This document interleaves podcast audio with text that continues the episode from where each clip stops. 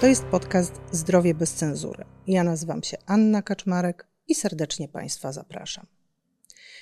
A dzisiaj, dzisiaj porozmawiamy o otyłości, ale też nie tylko y, o samej chorobie, ale również o tym, jak są postrzegane osoby chorujące na otyłość e, i jak właściwie należałoby do nich podchodzić. A moim i Państwa gościem jest Łukasz Sakowski, bloger To Tylko Teoria i dziennikarz naukowy, autor bioksiążki, absolwent biologii z Uniwersytetu Przyrodniczego w Poznaniu. Pan Łukasz y, organizuje też plebiscyt na biologiczną bzdurę roku. Dzień dobry, bardzo dziękuję za zaproszenie, bardzo mi miło. E, panie Łukaszu, tak prowokacyjnie trochę pana zapytam. Czy pan nie lubi osób chorujących na otyłość? Zdecydowanie nie powiedziałbym, że ich nie lubię, jak i że lubię. Podchodzę do osób e, otyłych e, z otyłością czy też z nadwagą E, jak do każdego innego człowieka. Mianowicie patrzę na to, jak się zachowują, co mówią, co robią, a nie na to, jak, jak wyglądają. Mm, co prawda, temat tego, jak nasze zachowanie, osobowość wpływa na mm, nasz wygląd, nie tylko zresztą na te kwestie, ale też to, jak kto się preferuje na przykład ubierać, jest y, czymś, na co, y, czymś też jako, jakoś tam interesuje, ale to jest jakby taka mm, sprawa, e, którą można dodać co najwyżej na marginesie, a nie która dominuje w, w ocenie sytuacji, przynajmniej jeżeli chodzi o moją perspektywę. E, dlaczego pytam? Dlatego, że e, no, miał pan trochę spięć z, ze, ze środowiskami body positive, bo no, pan generalnie na swoim bardzo popularnym blogu naukowym mówi o biologii. Mówi naukowo, tak, o różnych zjawiskach, chorobach.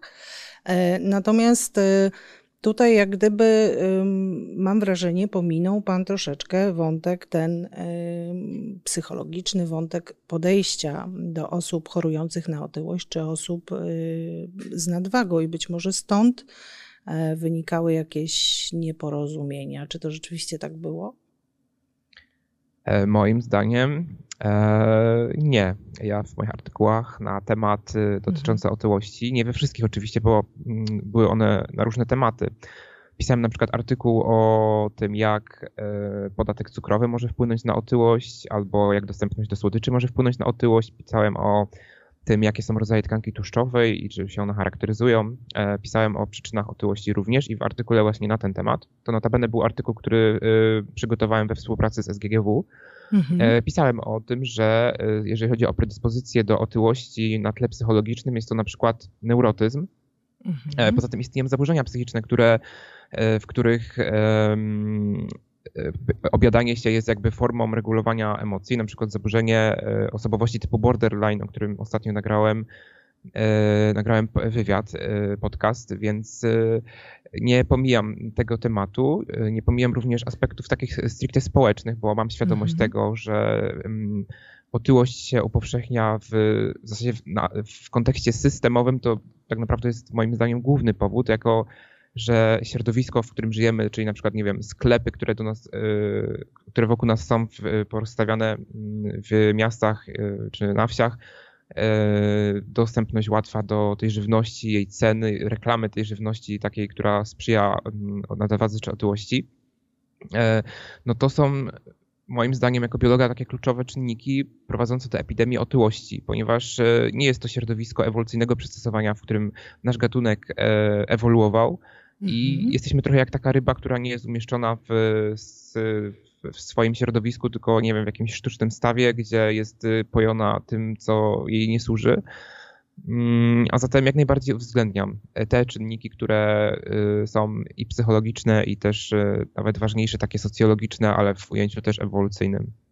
No dobrze, ale były takie sytuacje, że na przykład były wiem, pokazy mody, w których występowały e, osoby mm, chorujące na otyłość lub osoby z nadwagą, i pan y, mówił, że takie imprezy są niedobre.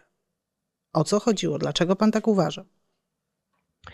E, przyznam szczerze, że moja reakcja wówczas była trochę ad hoc. To znaczy, ja y, przed wyjściem, bo pani pewnie nawiązuje do tej dosyć dużej, można to nawet nazwać poniekąd awantury z 2019 roku, kiedy to skrytykowałem e, marsz e, osób otyłych, to się chyba nazywało Catwalk czy jakoś tak.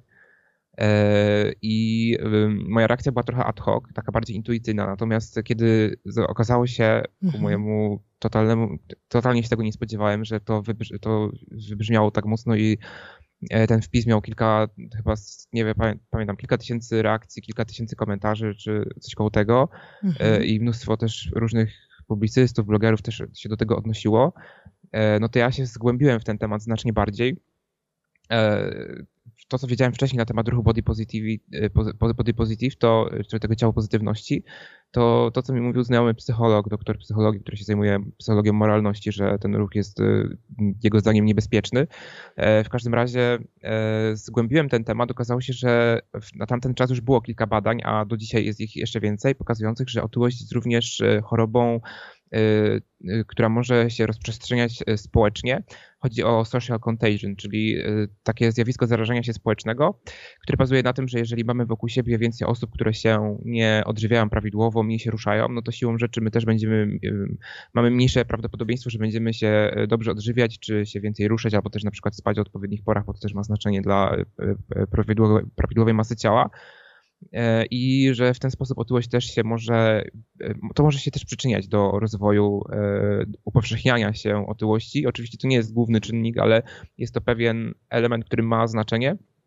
A oprócz tego zwracam bardzo silną uwagę na to, że jest trochę, w pewnym sensie mamy konflikt interesów pomiędzy tym, e, co jest dobre dla osób, które już mają otyłość, a mhm. tym, co jest dobre dla osób, które tej otyłości nie mają, ale mają ryzyko, że na nią zachorują, w tym też dla osób z nadwagą.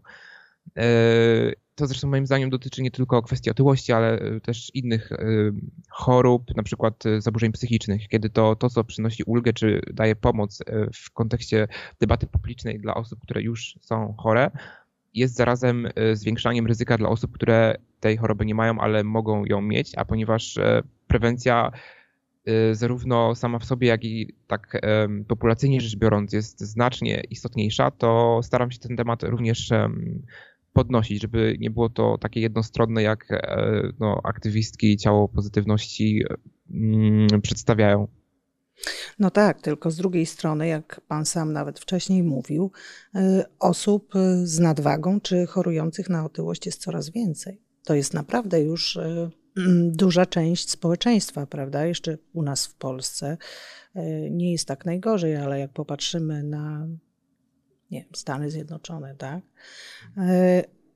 I ponieważ jest to znaczna część społeczeństwa, to ja też tak sobie myślę, no, ludzie też, żeby zacząć się leczyć. Tu powiedzmy sobie szczerze, otyłość trzeba leczyć, jest chorobą, tak? Żeby zacząć się leczyć, e, muszą trochę w siebie uwierzyć. E, muszą e, siebie trochę polubić. E, I żeby, żeby to zrobić, no nie można ich tak schować w szafie. Bo powiedzmy sobie szczerze, jeśli mam się odnieść osobiście, to jeśli byśmy mieli się schować w szafie, to ja powinnam wyjść z tego studia. Bo ja też choruję na otyłość. Natomiast, e, natomiast e, zastanawiam się, gdzie znaleźć e, taki wspólny, dobry punkt i dla prewencji, i dla już leczenia Mm, dla tego, żeby tym osobom pomóc, tak, które chorują na otyłość.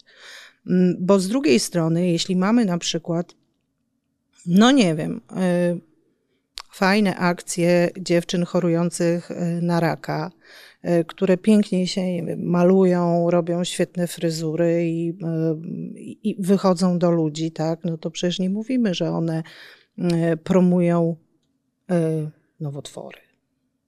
No więc gdzie tutaj znaleźć ten punkt wspólny, tak jak Pan mówił, między tymi, którym potrzebna jest prewencja, a tymi, którym potrzebne jest leczenie i wsparcie? Jeżeli chodzi o to porównanie do nowotworów, moim zdaniem ono hmm. nie jest adekwatne, dlatego trafne, że nowotwory dobrze. nie są E, dlatego że nowotwory nie są, e, nie, nie da się nimi zarazić społecznie w takim sensie, po prostu to jest choroba gene, stricte genetyczna. E, oczywiście wpływy środowiskowe mają znaczenie mm -hmm. i na przykład kwestia, nie wiem, mody na zarażania się społecznego papier, paleniem papierosów, to powiedzmy jest poniekąd mm -hmm. I jakby w tym kontekście na przykład palenia papierosów można by to porównywać, natomiast nie w samych stricte nowotworów. Jeżeli chodzi o punkt wspólny, ja bym przede wszystkim znaczy ja to po prostu robię, ja odrzucam e, traktowanie otyłości i zresztą innych chorób również jako tożsamości, bo wyraźnie widać, że e, wokół otyłości właśnie ten ruch ciało, a w każdym razie jego część tego ruchu ciało pozytywnego zbudowała taką tożsamość, jak e, coś na zasadzie tożsamości na przykład narodowej czy tożsamości religijnej i jest mnóstwo głosów. W Polsce też się one pojawiają, chociaż nie są aż tak silne i liczne jak na Zachodzie, e, zwłaszcza w anglojęzycznej sferze publicznej, że e, na przykład osoby, które chudną, są zdrajcami tego ruchu. E, takie, takie publicystki te, tego typu wypowiedzi przytaczają, więc ja bym się skupił na tym, żeby odczarować otyłość jako w ogóle ruch tożsamościowy, czy ruch jakiś quasi-religijny, bo to nie o to kompletnie mm, tym chodzi i to jest coś, co łączyłoby działania zarówno e, pomagające osobom, które są otyłe, bo one zamiast wmawiać sobie, że tak jest ok, że to jest ich tożsamość, mm, będzie im łatwiej, tak myślę, a w każdym razie będzie to bardziej realne, żeby uzmysłowiły sobie, że to nie jest wcale tak.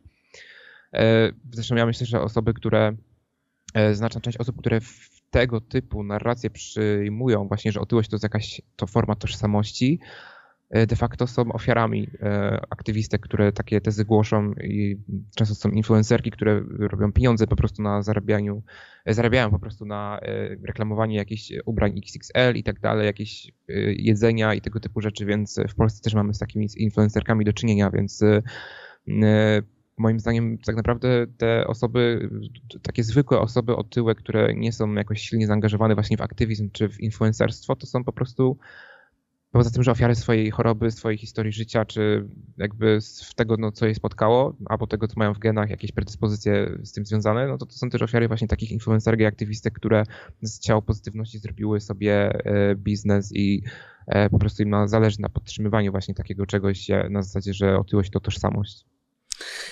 Y, ponieważ y, ja zajmuję się systemem ochrony zdrowia, to też pana zapytam, mm, co pan myśli o tym, jak właśnie w systemie ochrony zdrowia traktowana jest w Polsce choroba otyłościowa? E, myślę, że znaczy nie mam personalnego doświadczenia, bo nigdy nie miałem otyłości, mhm. więc y, na pewno ja w bym się skupiał na otyłości bardziej w kontekście właśnie nie służby zdrowia. Oczywiście nie mówię, że to nie jest ważne, Mhm. Tak jakby nie mam w tym aspekcie takiego doświadczenia, żeby o tym e, opowiadać, mhm. co skupiłbym się właśnie na tym, żeby na przykład ograniczyć e, dostęp do tego typu produktów. Zaznaczam, że chodzi mi o słowo ograniczyć, a nie zakazać, bo jak mówię takie rzeczy, to często osoby o takim skrajnie indywidualistycznym, czy libertariańskim podejściu od razu podnoszą alarm, że tu chcę czegoś zakazywać i tak dalej, a nie chodzi wcale o to, żeby zakazywać, tylko o to, żeby na przykład zmniejszyć liczbę półek w sklepie z, ze słodyczami, żeby nie było tak, że przechodzimy przez market i pięć razy się na nie natykamy, tylko jeden raz na przykład, albo żeby te słodycze nie, y, nie były, miały trochę inną cenę, żeby były też wyraźnie oznaczone pewnego typu produkty. Nie tylko mówię słodycze, to tak przykładowo, ale mogą to być też chipsy, jakieś y, fast foodowe rzeczy, które mają dużo, są gęste kalorycznie, a mają na przykład mało białka czy mało błonnika. E, żeby było oznaczane, że wyraźnie na przodzie opakowania, że sprzyjają, czy mogą sprzyjać rozwojowi e, pewnych chorób, w tym otyłości, ale też na przykład cukrzycy, czy e, hipercholesterolemii powiedzmy. Mm, także ja raczej, żebym też ograniczyć na przykład reklamy jakichś mm, produktów typu właśnie chipsy i tak dalej, no myślę, że każdy ma takie doświadczenie, że nie myślał w ogóle o tym, żeby, nie wiem, iść na hamburgera albo kupić paczkę chipsów, ale zobaczył reklamę i go naszła ochota po tej reklamie na coś takiego. Zresztą właśnie na tym polegają reklamy, że tak to działa. E, więc e, ja bym się tutaj w tym e, kontekście skupiał, plus takie systemowe na mm, rozwiązania sprzyjające aktywności fizycznej i w szkole, i i też w życiu i też w życiu dorosłym.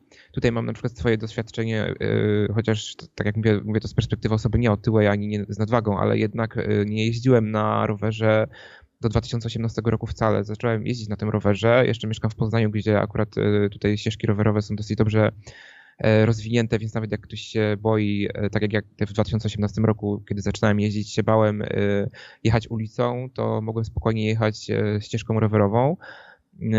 Także moim zdaniem to jest kluczowe, jeżeli chodzi o takie prewencje, to jest też taki punkt wspólny, jak i przeciwdziałanie otyłości. E, znaczy leczenie już w sensie otyłości. Mhm. E, sama służba zdrowia, zastanawiam się, bo widziałem nawet takie dyskusje nad tym, czy w ogóle powinna istnieć e, osobna specjalizacja, obesitologia, taki specjalny mhm. dodatkowy lekarz tylko dla osób otyłych. E, czy jednak powinien się tym zajmować endokrynolog, e, tak jak to w zasadzie teraz ma miejsce? Myślę, że bardzo często też jest tak, że to dietety, wystarczyłby dietetyk i fizjoterapeuta, który pokazałby odpowiednie ćwiczenia e, i niekoniecznie nawet potrzebny byłby do tego lekarz. W sensie fajnie byłoby włączyć w to, w ten NFZ i ten system dietetyków, bo Oczywiście są skrajne przypadki, kiedy już naprawdę leki, czy w ogóle skrajne, skrajne, kiedy operacje są pomocne i, i potrzebne, ale myślę, że też w części, zwłaszcza nadwaga, czy taka otyłość pierwszego stopnia, może tak, taka pomiędzy pierwszym a drugim, ona też może być e, e, skutecznie leczona za pomocą takich mniej radykalnych metod, które nie wymagają podawania leków czy, czy robienia operacji na, na żołądku na przykład. Więc też, co mi przychodzi jeszcze do głowy, żeby mm, lekarze takiego pierwszego kontaktu E, zwracali uwagę na kwestię masy ciała w większym stopniu niż dotychczas. To znaczy, żeby to nie wyglądało na takiej zasadzie, że ktoś mówi, mm, lekarz mówi e, pacjentowi, że proszę schudnąć, tylko żeby bo, bo, pacjent, przeciętny człowiek, który nie zna się na tym, no co ma z tym zrobić? Ma, tak. Proszę schudnąć. Nie wie tego, nie wie co ma z tym, wie, wie, że trzeba mniej jeść, ale tak jak powiedziałem wcześniej, osoby, które są, mają taką trwale i nakręcającą się otyłość czy problemy z masą ciała, no to są często osoby, które właśnie jakieś też mają na przykład problem z regulacją emocji, regulują te emocje poprzez, poprzez właśnie obiadanie się, więc y, y, to powinno być taki lekarz, myślę, że wystarczyłoby po prostu przeszkolić lekarzy pierwszego kontaktu, jakie konkretne, takie naprawdę konkretne porady powinni dawać pacjentom, którzy mają problem z masą ciała, e, dotyczące odżywiania się, dotyczące aktywności fizycznej, dotyczące snu, dotyczące kontaktów e, społecznych, dotyczące e, jakiegoś relaksu, no choćby polecenie człowiekowi, żeby, nie wiem, puszczał sobie, e, kiedy ma ochotę się obiadać, kiedy nie powinno, kiedy i tak już jest najedzony i nie ma sensu, żeby się jeszcze obiadał, żeby sobie, nie wiem, no, włączył jakieś ćwiczenia relaksacyjne, coś takiego. Są takie, które mają udowodnioną skuteczność e, relaksacyjną, więc e, i są zresztą często dostępne za darmo na YouTubie, więc takie często proste rzeczy, które wielu osobom by pomogły i no, na to bym przede wszystkim na tym bym się skupiał, a takie już stricte leczeniu takiej ciężkiej otyłości chirurgicznej, chirurgicznej leczeniu, to wolałbym się natomiast no, nie wypowiadać, bo to jest coś, o czym e, nie mam e, takiego większego rozeznania i to też jest no, znacznie mniej, znacznie, znacznie rzadsza sytuacja w skali takiej epidemiologicznej, przynajmniej w Polsce. Mhm. Panie Łukaszu, no ale dobrze, cały czas zostają nam y, osoby, y, które chorują na tą otyłość, czy mają nadwagę i one mm, funkcjonują w społeczeństwie. No i y, bardzo często są oceniane przez innych ludzi mm, przez pryzmat swojego wyglądu, a nie na przykład, nie wiem, profesjonalizmu, umiejętności, tego, jakie są, tak. E, czy tutaj widzi Pan jakieś e, możliwości mm, walki z tym? A może Pan uważa, że nie należy z tym walczyć? E, no na początek powiem wprost. Obrażanie kogoś, czy zawstydzanie kogoś tym, że jest otyły, czy że ma jakieś inne defekty dotyczące wyglądu, mhm. czy problemy dotyczące wyglądu jest po prostu niemoralne i nie wiem, czy mogę użyć takiego słowa na ante, no tutaj na, jak jesteśmy nagrywani, ale ohydne po prostu. Może I tak. jak najbardziej samemu mi niejednokrotnie zdarzało się zwracać e, uwagę, kiedy to na przykład ktoś e, kim byłem gdzieś tam i, i zwrócił uwagę na to, że ktoś wygląda tak, a nie inaczej dotyczące, co dotyczyło jego masy ciała. Zwróciłem uwagę, że, że nie, żeby nie, no nie komentuj po prostu, um, odpowiedziałem. E, więc ja bym mm, ja, ja bym nie, nie jestem po prostu przeciwnikiem takiego zawstydzania. Uważam, że i myślę, że to nie tylko jest kwestia uważania, ale po prostu też kwestia e, empiryczna, że to, że kogoś się obraża, czy że kogoś się zawstydza, bo to też jest trochę co innego, kogoś obrazić, a jakoś tak e, w sposób taki negatywistyczny, tam postosować jakieś takie złośliwe uwagi, czy coś takiego, że to nie jest e, motywujące, ani nie jest to korzystne czy pozytywne. E, dla mnie to jest rzecz oczywista. Myślę, że osoby, które mają takie krzywe spojrzenie na osobę otyłe, mogą się właśnie takimi stereotypami, które paradoksalnie wywodzą się, kierować się takimi stereotypami, które paradoksalnie się właśnie wywodzą z tego ruchu e, e, tożsamościowego, otyłościowego, czy ciało pozytywnego, części tego ciała pozytywnego ruchu, gdzie mm, ta otyłość jest właśnie traktowana jako coś fajnego, normalnego, pozytywnego, jako tożsamość i mm, no ja uważam, że jakby te osoby, które ten ruch tworzą, trochę sabotują same znaczy pomijając już to, że pewnie mm -hmm. w znacznej, znacznej części to jest kwestia po prostu zarabiania na tych reklamach i tak dalej, co mówiłem wcześniej, ale też, że, że sabotują wizerunek osób y, otyłych, y, co nie zmienia faktu, że też są osoby, które niezależnie od tego po prostu są jakoś, nie wiem, czy to uprzedzone, czy to mają no, takie proste podejście, nie zniuansowane, bo nigdy się na ten temat nie natknęły i nigdy się y, nad tym nie zastanawiały i wystarczyłoby im nawet powiedzieć parę słów i czy rozmowa niedługa wystarczyłaby, żeby one zmieniły zdanie na ten temat i przestałyby zawstydzać osoby, e, e, osoby mm, otyłe. Bardzo nie podoba mi się takie nakręcanie wzajemne takich wojenek osób, które są e, za otyłością w cudzysłowie, czyli tych takich tożsamościowych i osób, które wszędzie muszą dowalić komentarz, że otyłość to choroba, bo mm, oczywiście faktem jest taki, że otyłość to choroba, ale zauważyłem też taki trend, że na przykład mm -hmm. pisze się o czymś dotyczącym otyłości nawet nie porusza się w ogóle tego kontekstu, y, czyli tego spięcia pomiędzy e, podejściem otyłość to choroba, a otyłość to tożsamość i nie choroba. Ale takie osoby tak już od razu w komentarzach zaczynają pisać swoje i się rozkręca afera w ogóle trochę nie na temat danego postu, wpisu, artykułu, podcastu, wywiadu i tak dalej. E, co jest też no, jakby trochę konsekwencją tego, jak wyglądają e, te nieszczęsne media społecznościowe, ich interfejsu i algorytmów. No tak, ale no otyłość, y, no to jest fakt, że jest chorobą. No, stwierdziły to gremia, które się na tym znają. Tak? Zresztą, y, tak jak mówią specjaliści, no, ma też, to jest choroba, która ma swoje powikłania. Już nawet zaczyna się mówić, że, że może niektóre z chorób cywilizacyjnych same w sobie e, są właśnie powikłaniem e, otyłości. No więc y, właściwie, y, znaczy, nie wiem, czy to jest, y, może niektórzy myślą, że, że osoby z otyłością zwalają, to mówiąc brzydko, na chorobę, tak? No ale naprawdę to czasami nie jest takie proste, żeby nad tym zapanować. Nie da się czasami e, jeść mniej i ruszać więcej. Znaczy da się, tylko to nic nie daje, mówiąc krótko. E, albo daje bardzo mizerne efekty, tak? E, I wtedy jest zawsze takie, a może oszukuje, nie? E, ale rzeczywiście czasami tak jest. I, i, i wtedy to, to leczenie, to wsparcie specjalistów jest no, konieczne. Ja y, wracając do tego wątku właśnie mhm. przeszkolenia lekarzy pierwszego kontaktu, myślę, że E, przy takim przeszkoleniu na temat otyłości, które e, też podkreślę, że moim zdaniem powinno być tworzone, e, organizowane przez na przykład na Polskie Towarzystwo Badań nad Otyłością, wspólnie z jakimś towarzystwem dietetycznym, mhm. a nie przez aktywistki czy aktywistów, bo to też jestem nie, bardzo no. sceptycznie nastawiony do tego, że aktywiści wchodzą w różne pola edukacyjne, czy, czy dydaktyczne, czy właśnie naukowe i twierdzą, że są edukatorami, a tak naprawdę uprawiają po prostu mm, ideologiczną propagandę i to nie tylko dotyczy otyłości, ale wielu innych tematów.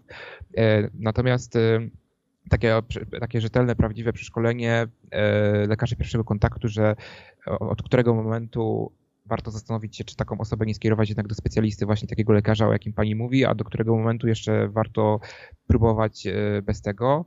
Mhm. No ja też jestem zwolennikiem mimo wszystko jednak, żeby dietetyków włączać, włączyć chociażby minimalnie do, w, w system ochrony zdrowia, bo w tej chwili to jest bardzo silnie sprywatyzowane. W zasadzie nie wiem, czy można iść na NFZ do dietetyka. Można, tylko y, bardzo długo się czeka i no, trudno jest mówić o tym, że wybieramy sobie dietetyka. Ich jest niewielu, jeśli chodzi o, o dostępność na NFZ.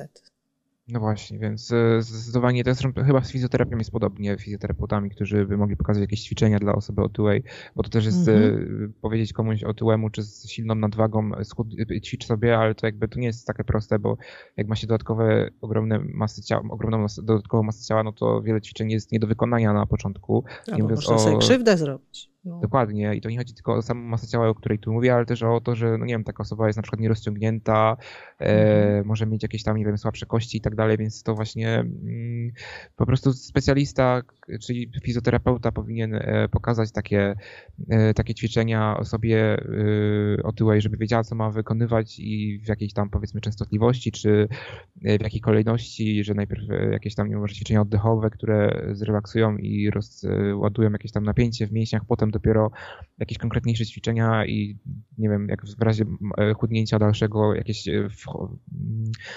dodawania jakichś kolejnych ćwiczeń. Chciałbym jeszcze tylko wrócić na moment do tego tematu, co pani powiedziała, mm -hmm. że gremia naukowe stwierdziły, że otyłość to jest choroba. E, ja się spotkałem z takim argumentem, że kiedyś od, e, homoseksualizm był uznawany za chorobę, a teraz nie jest, więc otyłością powinno być tak samo. Moim zdaniem, ja wiem, nie, że pani tego nie powiedziała oczywiście.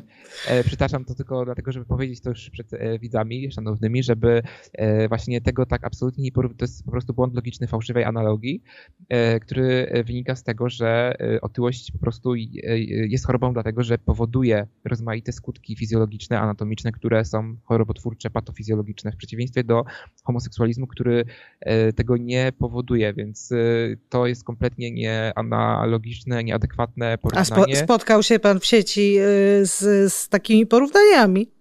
Bardzo często się spotykałem ze strony właśnie aktywistek ciał pozytywnych e, dokładnie z takimi porównaniami, że homoseksualizm kiedyś był uznawany za chorobę, a teraz nie jest i z otyłością powinno być podobnie i być może nawet e, tak się w przyszłości stanie. Straszne. Więc, e, więc to jest, być może to, to znaczy głównie z takimi argumentami się spotykałem w okresach takiego nasilenia dyskusji na ten temat, kiedy właśnie miałem te no, ten temat był taki bardzo silnie na, na, e, poruszany e, przeze mnie i przez moich przeciwników, ale, ale generalnie spotkałem się z tym bardzo wiele razy między rokiem 2019 a zeszłym właśnie z takim argumentem. To jest rzeczywiście okropne, bym nawet powiedziała. No tak. Dobrze. Panie Łukaszu, więc myślę, że Znaleźliśmy też e, wspólne punkty. Ja, jako osoba chorująca na otyłość, e, i pan, jako e, nie chorujący na otyłość, ani nawet nie, nie mający nadwagi. Miejmy nadzieję, że osoby, które chorują na otyłość albo mają dużą szansę na nią zachorować, jednak będą o siebie walczyć ale z drugiej strony my wszyscy im pomożemy. To znaczy, nie będziemy e, im dokuczać, e, wbijać, e, mówiąc brzydko, w ziemię i nie będziemy patrzeć na nich przez pryzmat tak naprawdę ich choroby. Jeżeli mogę coś dodać? Mhm. Bo oczywiście zgadzam się z tym, co pani mówi, tylko cały czas chcę podkreślić bardzo to, co, na co na mnie też wiele razy osoby, które są znacznie bardziej wykształcone i y, doświadczone ode mnie naciskały, żebym mówił, mianowicie, że otyłość jest chorobą cywilizacyjną, czyli otyłość jest chorobą ewolucyjną. E, wynika po prostu z niedostosowania współczesnego środowiska, w którym żyjemy, do naszego środowiska ewolucyjnego, w którym wyewoluowaliśmy. Dlatego nadmierny dostęp do y, bardzo i łatwy dostęp do wysokokalorycznych i gęstokalorycznych produktów połączony z niską aktywnością fizyczną, której to urbanizacja sprzyja, e, będzie, niezależnie od tego, co będziemy robić, czy będziemy e, robić jakieś programy edukacyjne i tak dalej, to jest ważne i fajne, ale niezależnie od tego i tak otyłość będzie się upowszechniać, jeżeli nie wprowadzi się zmian właśnie w takim zakresie systemowym, e, środowiskowym. To jest wtedy trochę jak walka z wiatrakami. Można coś tam podziałać i coś tam zmienić, ale sytuacja będzie się pogarszać. Są zresztą badania naukowe i wezwania naukowców dokładnie, dokładnie mówiące o tym, o czym ja teraz mówię, żeby e, ustawodawcy, politycy właśnie na tym się skupiali, a kampanie edukacyjne o tym, jak trzeba się odżywiać i tak dalej, tak by e, traktować jako dodatkowa sprawa, a nie e, sprawa podstawowa. I ja no jako biolog i to w dodatku zajmujący się też ewolucją biologiczną, e, muszę to potwierdzić i muszę to o tym, znaczy czuję, że powinienem o tym mówić, bo to jest e, podstawa, żeby poza tymi wszystkimi konfliktami społecznymi, tożsamościowymi i tak dalej, żeby ten problem jakoś zacząć realnie, racjonalnie i długofalowo rozwiązywać. Czyli tak naprawdę, panie Łukaszu, można powiedzieć, że kwestia walki z chorobą otyłościową czy z nadwagą w społeczeństwie zaczyna się przy urnie wyborczej. E, to prawda. Zastanawiam się w ogóle, czy są jacyś politycy, którzy no mają no takie postulaty na ten, na ten temat, bo też no, chyba otyłość, przynajmniej w Polsce, nie jest tematem za bardzo politycznym i zresztą tak jak mówię, to nie dotyczy też otyłości. Tak naprawdę można by zebrać um, jakieś e, kilka takich wątków e, chorób cywilizacyjnych. Otyłość, e, niektóre zaburzenia psychiczne, e, czy też na przykład niektóre nowotwory i zrobić taki program właśnie przeciwdziałania chorobom cywilizacyjnym, rozmaitym e, poprzez poprawianie środowiska społecznego, to też często są bardzo pozytywne zmiany, na przykład jeżeli chodzi o zaburzenia psychiczne, mhm. E, skrajna indywidualizacja e, życia społecznego, e, atomizacja doprowadziła do tego, że dzieci się wychowują bardzo coraz częściej w środowisku, gdzie jest tata, mama i w zasadzie dalsza rodzina, czy też sąsiedztwo za wychowanie i za zajmowanie się tym dzieckiem praktycznie w ogóle nie odpowiadają. E, a e, w sytuacji, kiedy na przykład coś jest nie tak, bo nie wiem, rodzice są przepracowani albo no nie wiem, rodzice mają własne problemy i nie właściwie zajmują się dzieckiem, czy to są za mało opiekuńczy, czy za bardzo opiekuńczy i tak dalej, to dziecko ma, wychowując się w takich warunkach ma większe szanse na rozwinięcie pewnych, e, pewnych predyspozycji do rozwinięcia określonych zaburzeń psychicznych. I wystarczyłoby na przykład promowanie wspólnotowości, czy zwiększenie wspólnotowości kosztem zmniejszenia indywidualizmu społecznego, który to też bardzo się zwiększył w ostatnich latach, bo od lat 90. no Polska się przesunęła, jest taka skala kolektywizm, indywidualizm, kolektywizm to jest zero, a 100 to jest indywidualizm, więc to jest jakby takie spektrum. Polska jest w e, ostatnich badaniach, jakie sprawdzałem, chyba z 2021 roku, miała 60 punktów na 100, e, czyli jest już po tej stronie bliższej indywidualizmu.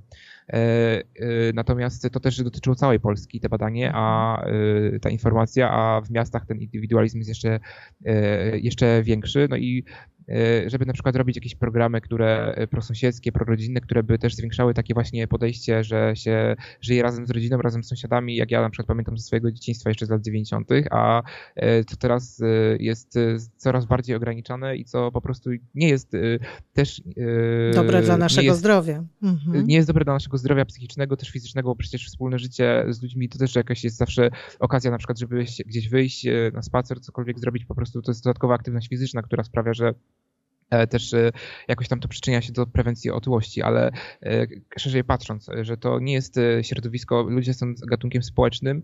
Normą jest to, że dzieci się wychowują nie tylko przez rodziców, są wychowane nie tylko przez rodziców, ale też przez babci, dziadków, ciocie, wujów, sąsiedztwo, oczywiście w mniejszym stopniu wiadomo, ale jednak też jakieś ono ma na to wpływ, a i też ja właśnie na to bym zwracał mm, na taki szerszy aspekt społeczny uwagę, bo to jest po prostu podstawa w, przy chorobach cywilizacyjnych to jest po prostu podstawa. No i niech to będzie nasze podsumowanie. Dziękuję pięknie, panie Łukasz. Dziękuję bardzo raz jeszcze za zaproszenie, bardzo mi było miło.